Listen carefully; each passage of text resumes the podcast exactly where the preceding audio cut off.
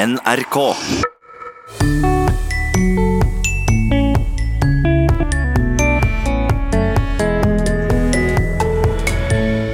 Hele Norges mormor ville fylt 100 år nå i februar. Hvordan holder bøkene hennes seg språklig sett i dag? Det er mange ting med språket hennes. Det er egentlig veldig veldig spennende. For hun er jo nyskapende når det gjelder språk også. Hun lager eh, ord akkurat sånn som barn gjør det.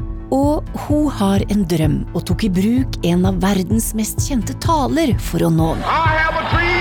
Hør om en klarspråkstudents kamp mot feil bruk av i forhold til. Vel møtt til Språkteigen. I dag kan jeg si vel møtt til en språkteig som i hovedsak er signert min gode kollega Stein S. Eide. Og det første bidraget fra han er om ei folkekjær dame som vi feirer i år. Alles mormor, Anne Katt Vestli, ville ha fylt 100 år 15. februar.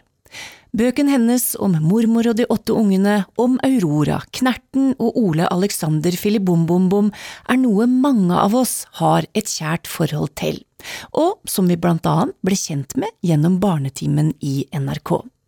Men hva er det med språket i hennes bøker som fenger både unger og voksne, og har bøken holdt seg eller gått ut på dato sånn rent språklig sett? Det har universitetslektor Agnes Margrethe Bjorvann ved Universitetet i Agder prøvd å finne ut av. Morn, morn. Det pleier jeg å si til deg om morgenen. Når jeg sier mormor og de åtte ungene i skogen, begynner du kanskje å lure på om mormor bor alene da med alle ungene? Mormor og de åtte ungene var en av de første bøkene jeg husker mor mi leste for meg da jeg var liten. Og Agnes Margrethe Borvann, hva slags forhold har du til Anne Katt Vestlys bøker? Jo, eh, hun har vært en veldig viktig del av min barndom også. Eh, begge foreldrene mine leste um, Anne Katt Vestlys bøker for meg, særlig Guro og Aurora-bøkene. Det var nok de bøkene jeg husker eh, best, som jeg ble lest aller mest for. Og det husker jeg som en sånn ordentlig god opplevelse. Det som på en måte er um, så spesielt med Anne-Kat. Vestli, er at hun har et veldig tydelig uh, barneperspektiv. En enorm evne til å, å klare å se verden gjennom barns øyne. Og det henger nok sammen med at hun var en person, tror jeg, som var veldig flink til å leve seg inn i andre mennesker. Altså veldig um, godt utvikla empati. Uh, og det skinner igjennom i bøkene. Uh, og så, altså det blir en sånn veldig sånn nærhet. sånn at Man føler jo på en måte når man leser bøkene, eller, eller hører at hun leser dem, så føler man jo nærmest at man sitter på fanget hennes. Aurora var nesten ikke våken, hun. Nå ble hun det, for det var så spennende når pappa skulle snakke alvorlig. Hør her, sa han. Mamma skal på rettsreise og være borte en uke, og det skal sorenskriver Thomas også. Og så lurte vi på om det er i orden at jeg også blir med, for jeg skal være noe som heter rettsskriver. Skal vi være helt alene, vi da? sa Aurora. Nei, sa pappa. Det er sorenskriverdamen som har funnet på dette, og så spør hun om dere vil bo hos henne mens vi er borte. Da kan dere reise, sa Aurora. Og så har mamma igjen å holde i hånden hvis hun blir sjøsyk, men det blir hun ikke, sa hun fort, for hun har vokset fra det. Agnes Margrethe Bjorvann jobber som universitetslektor ved Universitetet i Agder, der hun forsker på barnelitteratur. Nå har hun på oppdrag av Gyldendal Forlag skrevet biografi om Anne-Cath. Vestli for barn. Og da måtte hun sjølsagt tilpasse språket, slik at eh, barn i dag forstår det. Boka må være god å lese, eh, og den må være god å lese høyt. Så jeg sitter, når jeg skriver, så sitter jeg og leser høyt for meg sjøl for å sjekke eh, er det, må, er det noe som skurrer her, er det noe som må skrives om. Og så er jeg veldig opptatt av det å, at barn skal føle seg inkludert da, når de leser. Sånn at jeg må bruke ord som barn forstår i hvert fall ikke bruke ord som oppleves veldig fremmede for barn. Og når jeg skriver for barn, så skriver jeg jo litt annerledes enn når jeg skriver for voksne. Men det er ikke så veldig stor forskjell. Men jeg merker sjøl at jeg f.eks. gjentar en del substantiv litt oftere enn jeg kanskje ville ha gjort hvis jeg skrev for voksne. Da ville jeg kanskje ha brukt et pronomen isteden. Så det, det, er noen sånne pedagogiske grep som jeg har erfaring med at fungerer for barnelesere, da for den lille gutten oppe i syvende etasje hadde bodd der helt siden han ble født. og det var lenge, lenge siden, for nå var han fire og et halvt år gammel. Men hvordan skrev Anne Katt Vestli i barnebøkene sine? Var det noe med språket hennes som gjorde bøkene hennes så populære allerede fra 1950-tallet og helt fram til 2000-tallet? Ja, altså, det er absolutt noe med språket hennes, men altså, hovedgrunnen til at hun ble så populær, det handler selvsagt først og fremst om at hun skrev om personer og temaer som både barn og voksne kan relatere seg til, kjenne seg igjen i på en eller annen måte. og hun skrev på en måte som gjør at man føler seg respektert som barn og som menneske. Men eh, sånn språklig så skrev Anne-Kat. Vestli med et sånn gjennomført barneperspektiv på nesten alt hun skrev. Verden blir sett gjennom hennes, eller gjennom barns øyne. Og språket hennes det oppleves også som nokså muntlig. Eh, det er også ganske ofte det jeg vil kalle barnlig, altså ikke barnslig, men barnlig. Altså at stilen minner litt om barns måte å formulere seg på, da. For eksempel så bruker hun, i likhet med barn, mange eh, appellativer. Altså, hun bruker fellesnavn som damen, mann, snekkeren, eh, butikkmann, lillebror, mormor osv. istedenfor egennavn. Eh, og hun bruker også ganske mange gjentagelser som egentlig er overflødige, men som, som, skaper en sånn god rytme i språket, og som vi gjerne forbinder med det muntlige språket. Da. Både når barn snakker, og når vi voksne snakker med barn. Eh, eksempel så bruker hun også sånn som eh, vi vet når små barn eh, skal holde på ordet, så sier de 'å' veldig mye, eller 'og så', 'og så', for at ikke vi andre skal begynne, begynne å snakke, eller for å gi seg sjøl tid til å tenke. Og det gjør Ann-Kat. Vestli også. Så, sånne oppramsinger, f.eks., så setter hun ikke nødvendigvis komma mellom, men da skriver hun det var trikker og busser og lastebiler og alminnelige biler og drosjebiler. Altså og, og, og hele veien. Eh, og så, Det er mange ting med språket hennes. Det er egentlig veldig veldig spennende. Og det er jo folk som har studert det her, og der, her ligger det egentlig absolutt potensial for både masteroppgaver og, og doktoravhandlinger. Men altså, hun, hun, hun, er jo nyskapende når det gjelder språk også. Hun lager eh, ord akkurat sånn som barn gjør det. Sprutebiler hvis det er biler som spruter, eller hvis det er biler som so feier gata, så blir det sopebiler. Ja, så det er noe av det som preger språket hennes. Men noe av det jeg har lagt mest merke til eh, når jeg har lest bøkene hennes sammen med barn, det er altså alle de språklige bildene hun bruker. Eh, og all besjelinga hennes. Altså hun har en sånn naiv besjeling, på en måte. Altså at ikke-menneskelige ting får menneskelige kvaliteter. Og det er et trekk som viser veldig, veldig tydelig Anne-Kat. Vestlis enorme evne til å forstå hvordan barn ser verden. Hvordan barn opplever verden så utrolig mye mer konkret da, enn oss voksne. Og mange av disse beskjedene oppleves da som veldig sånn humoristiske for barn. Eh, for så vil de fleste barn le høyt når vi leser om hvordan heisen kiler inni magen til det høye huset eh, da Ole Alexander kjører opp og ned med heisen, for han er ikke høy nok ikke sant, å trykke på den, den, knappen han egentlig skal klare å trykke på. Så han kjører heis opp og ned og opp og ned, og da kiler det i magen til, til huset. Rett som nå her sto det høye huset og snakket med seg selv. Du verden så stort og høyt det er, sa det, jeg er visst det høyeste huset i byen, og så mye rart som jeg har inni meg. Aller nederst i underetasjen har jeg vaskeri, og i første etasje har jeg melkebutikk, og så har jeg heis. Jaha, så fin er jeg at jeg har både trapp og heis, og når heisen går opp og ned, da kiler det så skrekkelig morsomt inni meg at jeg må klukle. Et annet språklig særtrekk ved Anne Cath. Vestlis barnebøker er at hun snakker direkte til leseren, ifølge barnelitteraturforsker Bjorvann. Hun eh, bruker det vi gjerne kaller en sånn markert leser, eller markert tilhører. Altså hun, hun stiller spørsmål til leseren. Eh, eller hun sier 'du' til leseren, sånn at vi føler oss inkludert i, eh, i fortellinga, da. Det var sikkert bevisst, alt dette her? Ja, det tror jeg helt sikkert. Og så henger jo selvsagt det her sammen med den konteksten som hun skrev i. At uh, hennes bøker var uh, skrevet for uh, opplesning, da særlig i Barnetimen for de minste. Nå skal jeg snart begynne på det første. Men det jeg tenkte på var at kanskje du er syk i dag og har god tid? Og det er jo ikke sikkert det er noen hjemme hos deg som kan lese for deg akkurat nå. Det kan jo hende du er helt frisk også, da, og bare har lyst på en sånn fredelig liten stund på rommet ditt, eller i en krok av stuen. Kanskje du sitter i en bil? Da kan det også være greit å høre noen fortelle. Men nå begynner jeg å lese fra denne boken, som heter Åtte små, to store og en lastebil. Sjøl om handlinga i Anne-Kat. Vestlis bøker er fra Norge på 50-60-tallet, mener Bjorvann at språket i Anne-Kat. Vestlis bøker står seg godt også i dag.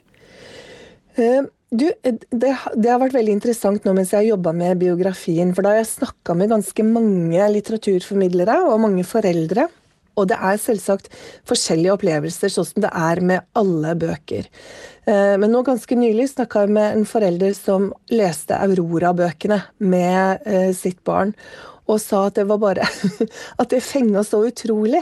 Eh, og, og at um, foreldrene da ble litt overraska over at så mange ting som den voksne egentlig trodde var på en måte litt sånn avdanka og avleggs, egentlig ble oppfatta som noe eksotisk og morsomt og spennende for, eh, for barnet i dag. Da. For det, det som er det fine med, med barn, at um, ting som vi voksne tror at har blitt veldig gammeldags, det kan barn oppleve som noe eksotisk og annerledes. Bare sånne ting som det å lese om noen som må koke bleier, f.eks. Eller som ikke har sofa i stua si, men som må sitte på kasser og spare til sofa. Altså ting som er litt annerledes enn sånn som de fleste har det i dag, da. Å, oh, akta mine fisker, sa lillebror. Når man har feber måste man drikke stup i ett, sa Karlsson. Om det slinker med en og annen liten fisk. Det er en verdslig sak. Norges svar på Astrid Lindgren er jo kalt Anne-Kat. Vestli. Barnelitteraturforsker Bjorvan er nå i ferd med å gjøre ferdig doktorgraden sin på Astrid Lindgrens forfatterskap, og si det er likhetstrekk i måten de to skrev for barn på. Ja, det, det, er det faktisk. Jeg har jo, Astrid Lindgrens forfatterskap er jo det jeg har jobba aller, aller mest med. Og det er faktisk ganske mange paralleller både når det gjelder språk. Astrid Lindgren bruker også det her eh, tydelige barneperspektivet. Eh, og at hun har oppramsinger der hun kutter ut eh, komma f.eks., og heller bruker bindeordet og. Det er en sånn liten likhet. Men noen av de største likhetene mellom Anne-Kat. Vestli og Astrid Lindgren, det handler faktisk om verdiene i forfatterskapet. Altså den her enorme respekten for barn som mennesker på linje med, med voksne. Eh, blant annet. Likeverdighet, eh, likestilling, sympatien med de svakeste. Altså er, du kan liksom gå gjennom alle verdiene hos disse to store forfatterne, og så er det eh, nesten identisk, men det løses selvsagt på litt forskjellige måter. Men er barn i dag interessert i å lese om forfatteren Anne-Cath. Vestli? Eh, vi, jeg får håpe det. Eh, og mange barn har altså eh, Forfatterskapet hennes har jo også fått en renessanse med de nye filmene som har kommet både om Knerten og 'Mormor og de åtte ungene'. Så det er klart at mange barn i dag kjenner Eh, en del av karakterene hennes, og de mest kjente karakterene, det er nok definitivt Knerten og mormor. Eh, men det er jo en fin inngang, det også, til å lese bøkene. Og så håper jeg jo at denne biografien også kan bli en sånn inngang til å bli nysgjerrig på bøkene. For en del barn blir nysgjerrig på bøker gjennom å få faktakunnskap om f.eks. For en eh, forfatter. Er dere klar for telttur? Ja! Pappa, hvor er du? Hva da? Lastebil. Den er jo borte. Satt du her, da? Hei! Forsiktig! Å nei! Vent! I år ville hun altså fylt 100 år, og det markeres på ulike vis i biblioteker, kulturhus, skoler og barnehager over hele landet. Og neste år åpnes en egen Anne-Kat. Vestli forundringspark i Lyngdal i Agder. Det er veldig flott at uh, folk ser verdien av det som Anne-Cath. Vestli har betydd både for norsk barnekultur og norsk eh, barnelitteratur. Stopp tiden! Universitetslektor Agnes Margrethe Bjorvann er aktuell med biografi om Anne-Cath. Vestli.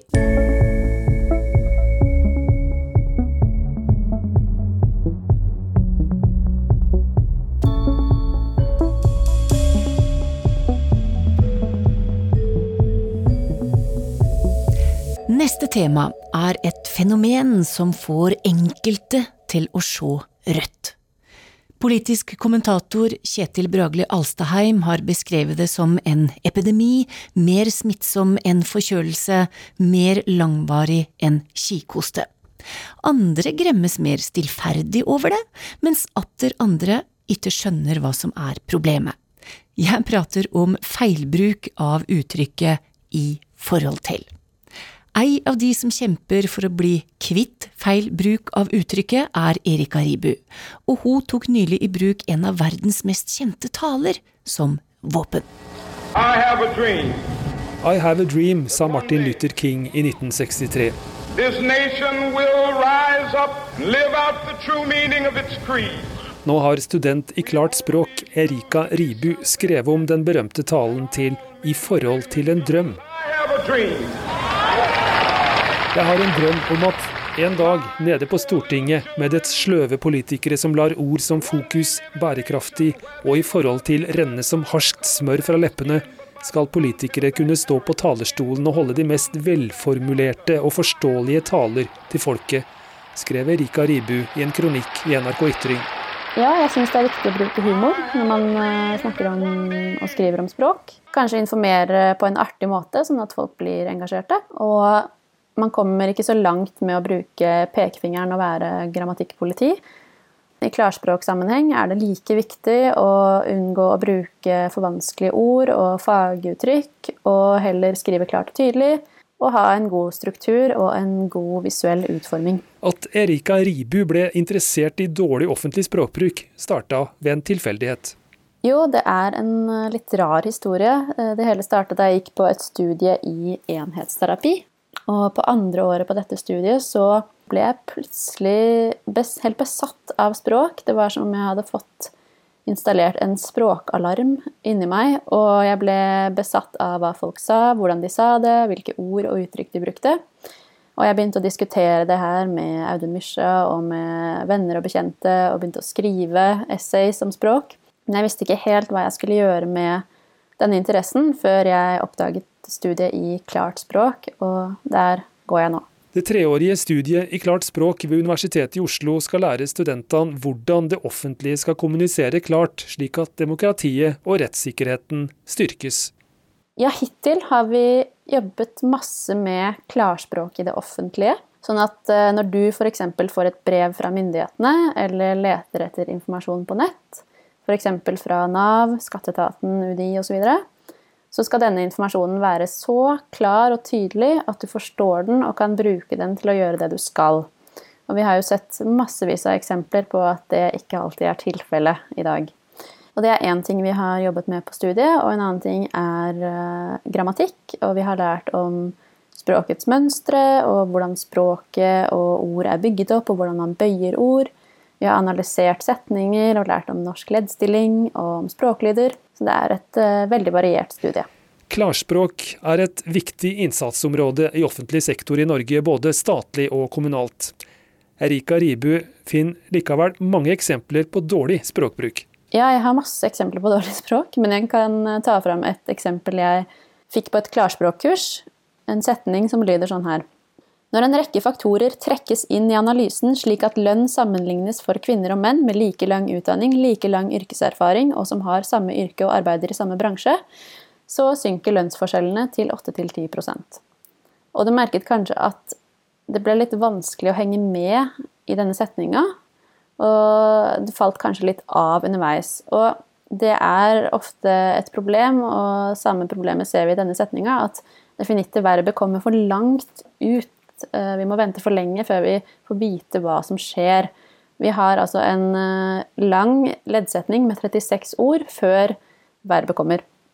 En annen ting er at eh, mange bruker veldig mye unødvendige ord, syns jeg, for å forklare enkle ting. Jeg leste denne setninga som en politiker hadde sagt her om dagen. Han hadde sagt vi må ta større varsomhetshensyn i disse områdene.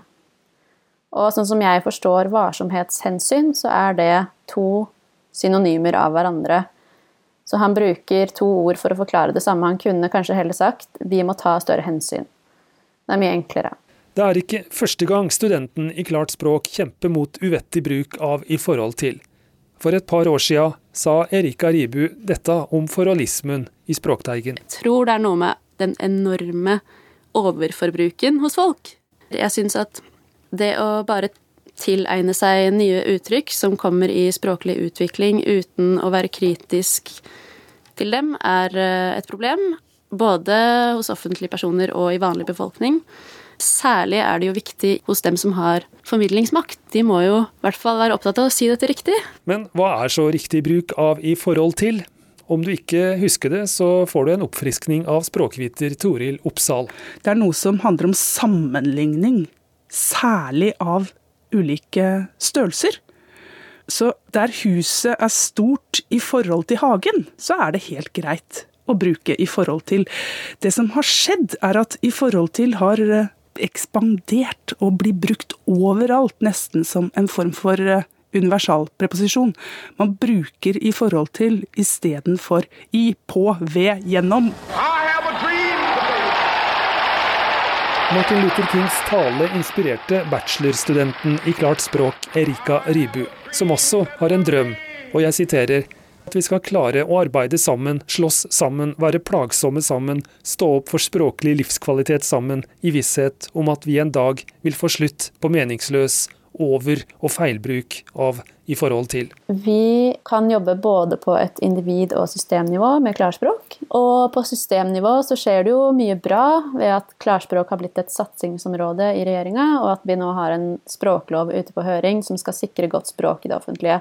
Men så har jeg også hørt mange historier om folk som har vært ute på arbeidsplasser og forsøkt å gi råd og rydde opp i språk, og så møter de ekstremt mye motstand fordi folk tviholder på det språket de alltid har brukt. Så jeg tror uh, vi kunne kommet lenger ved at uh, folk hadde blitt uh, åpnere til å ta imot disse rådene.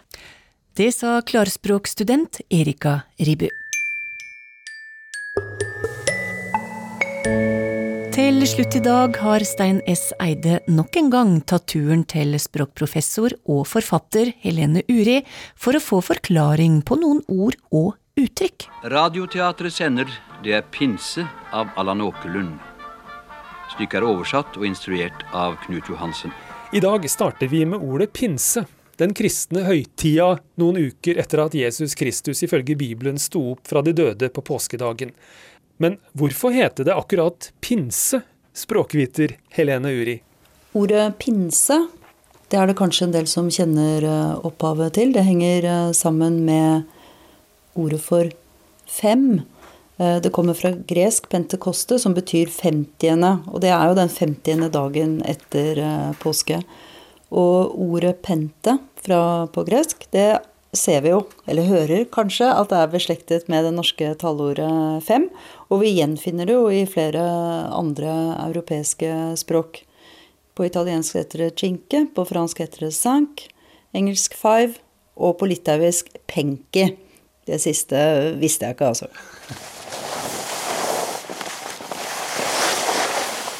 Når vi går på ski, har mange av oss fortsatt rottefellabinding på skia. Det er en norsk oppfinnelse, og det var en maskiningeniør fra Oslo som fant opp skibindinga i 1927. Ja, eh, rottefellabindingen ble laget av Bror Hvitt i 1927, det vet jeg. Og jeg vet at han eh, banket og hamret eh, på to gamle sykkelseter, og så ble det da til eh, skibindinger. Og det er jo fordi de ser ut som rottefeller, rett og slett. Det er da anekdote om kronprins Olav. Ja, visstnok det. at han lurte på hva slags bindinger dette var, og at da denne Bror Hvitt-oppfinneren da svarte at eh, det er bare rottefeller. Så det er visstnok eh, opprinnelsen til, eh, til den betegnelsen da, som vi bruker ennå. Ei historie som Dag Andreassen ved Teknisk museum kunne bekrefte i norgesklasse i NRK i 1999. Og det var i forkant av et skirenn på Lysakerjordet i Bærum i 1927. Da lagde han en binding som han syntes var mye bedre enn de bindingene som fantes på markedet. Og Da løp han huset rundt og fant deler som han eh, satte sammen til en helt ny type binding. Da Bror Hvitt kom til startstreken på skirennet i Bærum i 1927, så sto også kronprins Olav der, og han eh, kikket da på bindingen til Bror Hvitt og lurte på hva verden dette var for slags type binding. Han hadde aldri sett sånt før. Og da svarte Bror Hvitt at ja, det her er bare et par rottefeller som jeg kjøpte nede på en jernvarehandel. Men nå mer sport. Tok ingen sjanse og spurta helt i forbi linja. og Skjønte nesten ikke at jeg vant, faktisk. så Det var, det var en fantastisk dag. Det alt fungerte perfekt. VG brukte overskrifta 'Grønn av misunnelse' da Thor Hushovd som første nordmann i den grønne poengtrøya i sykkelrittet Tour de France i 2004 kikka bort på Fabian Cancellara, for Hushovd hadde fryktelig lyst på den gule ledertrøya. Det hender seg at vi blir misunnelige, men aldri røde eller blå eller gule, språkviter Helene Uri. Og hvorfor blir man akkurat grønn av misunnelse? Jo, dette henger sammen med antikkens forestilling om kroppsvæsker og humør, rett og slett. De som hadde for mye grønn galle, de ble ondskapsfulle og bitre. Derav grønn av misunnelse. Ingen makt i verden skal slå opp! Saken er klar! Saken er biff! Saken er karbonade! Saken er ertesuppe! Ivar Formoe har vunnet gullmedalje på 2.37,29. Saken er biff, saken er karbonade, saken er ertesuppe, sa tidligere sportskommentator Bjørge Lillelien da Ivar Formoe tok gull på femmila i OL i Innsbruck i 1976. Men hvorfor er eh, saken biff? Saken er biff. Det betyr at eh, noe er i orden. Og det har ingenting med matretten biff å gjøre, og ingenting med kjøttkaker å gjøre. Det kommer fra svensk, eh, en svensk forkortelse BIFF, som da er en forkortelse for bifallit. Altså saken er vedtatt. Jeg er en dessertmann og en uh, søtmons, og hva er vel da bedre enn den italienske dessertkaka tiramisu? Helene Uri. Det er godt. Er du glad i tiramisu? Det er godt, sier du. Ja, vet du hva det egentlig betyr da? Det betyr jo egentlig 'dra meg opp' på italiensk. Eh, og det har vel kanskje noe med de virkningene som desserten eh, kan gi, da. Oppkvikkende, for å si det sånn. Og ettersom vi nå har forvilla oss inn på kosthold, la oss snakke om appelsiner. Appelsiner. Denne gylne, saftige frukta som smaker fantastisk i disse dager. En appelsin om dagen, det er faktisk nok til å dekke opp C-vitaminbehovet vårt. Det nærmer seg jo snart høysesong for appelsiner, men Hvorfor heter det appelsin? Det har vi lånt fra nedertysk, og betydningen er eple fra Kina. Vi kjenner det jo igjen bestanddelene. Appel, eple, sin, Kina, som vi har i f.eks. sinologi, eh, vitenskapen om Kina. Så over til avdelinga for spesielt interesserte. I Helene Uris og Eyolf Solvangs bok 'Språkquiz' er et av spørsmåla Hvilket dyr skjuler seg bak orda røsling og hvalross? I ordene røsling og hvalross så skjuler det seg ett og samme dyr. Og det er kanskje ikke så mange som har tenkt på, men eh, hvalross, altså delen ross, og røsling, delen røss, kommer uh, begge to fra det norrøne ordet ross, som betyr hest. Så det er altså en eh, hestehval og da hestelyng. Takk til Stein S. Eide og Helene Uri, og med det så var Språkteigen ved veis ende. Vi høres om ei uke. Ha det bra.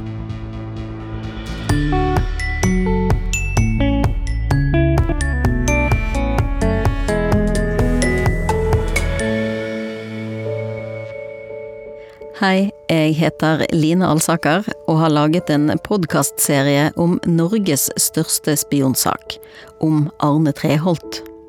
Spionen Treholt finner du i podkasten Hele historien i NRK Radio.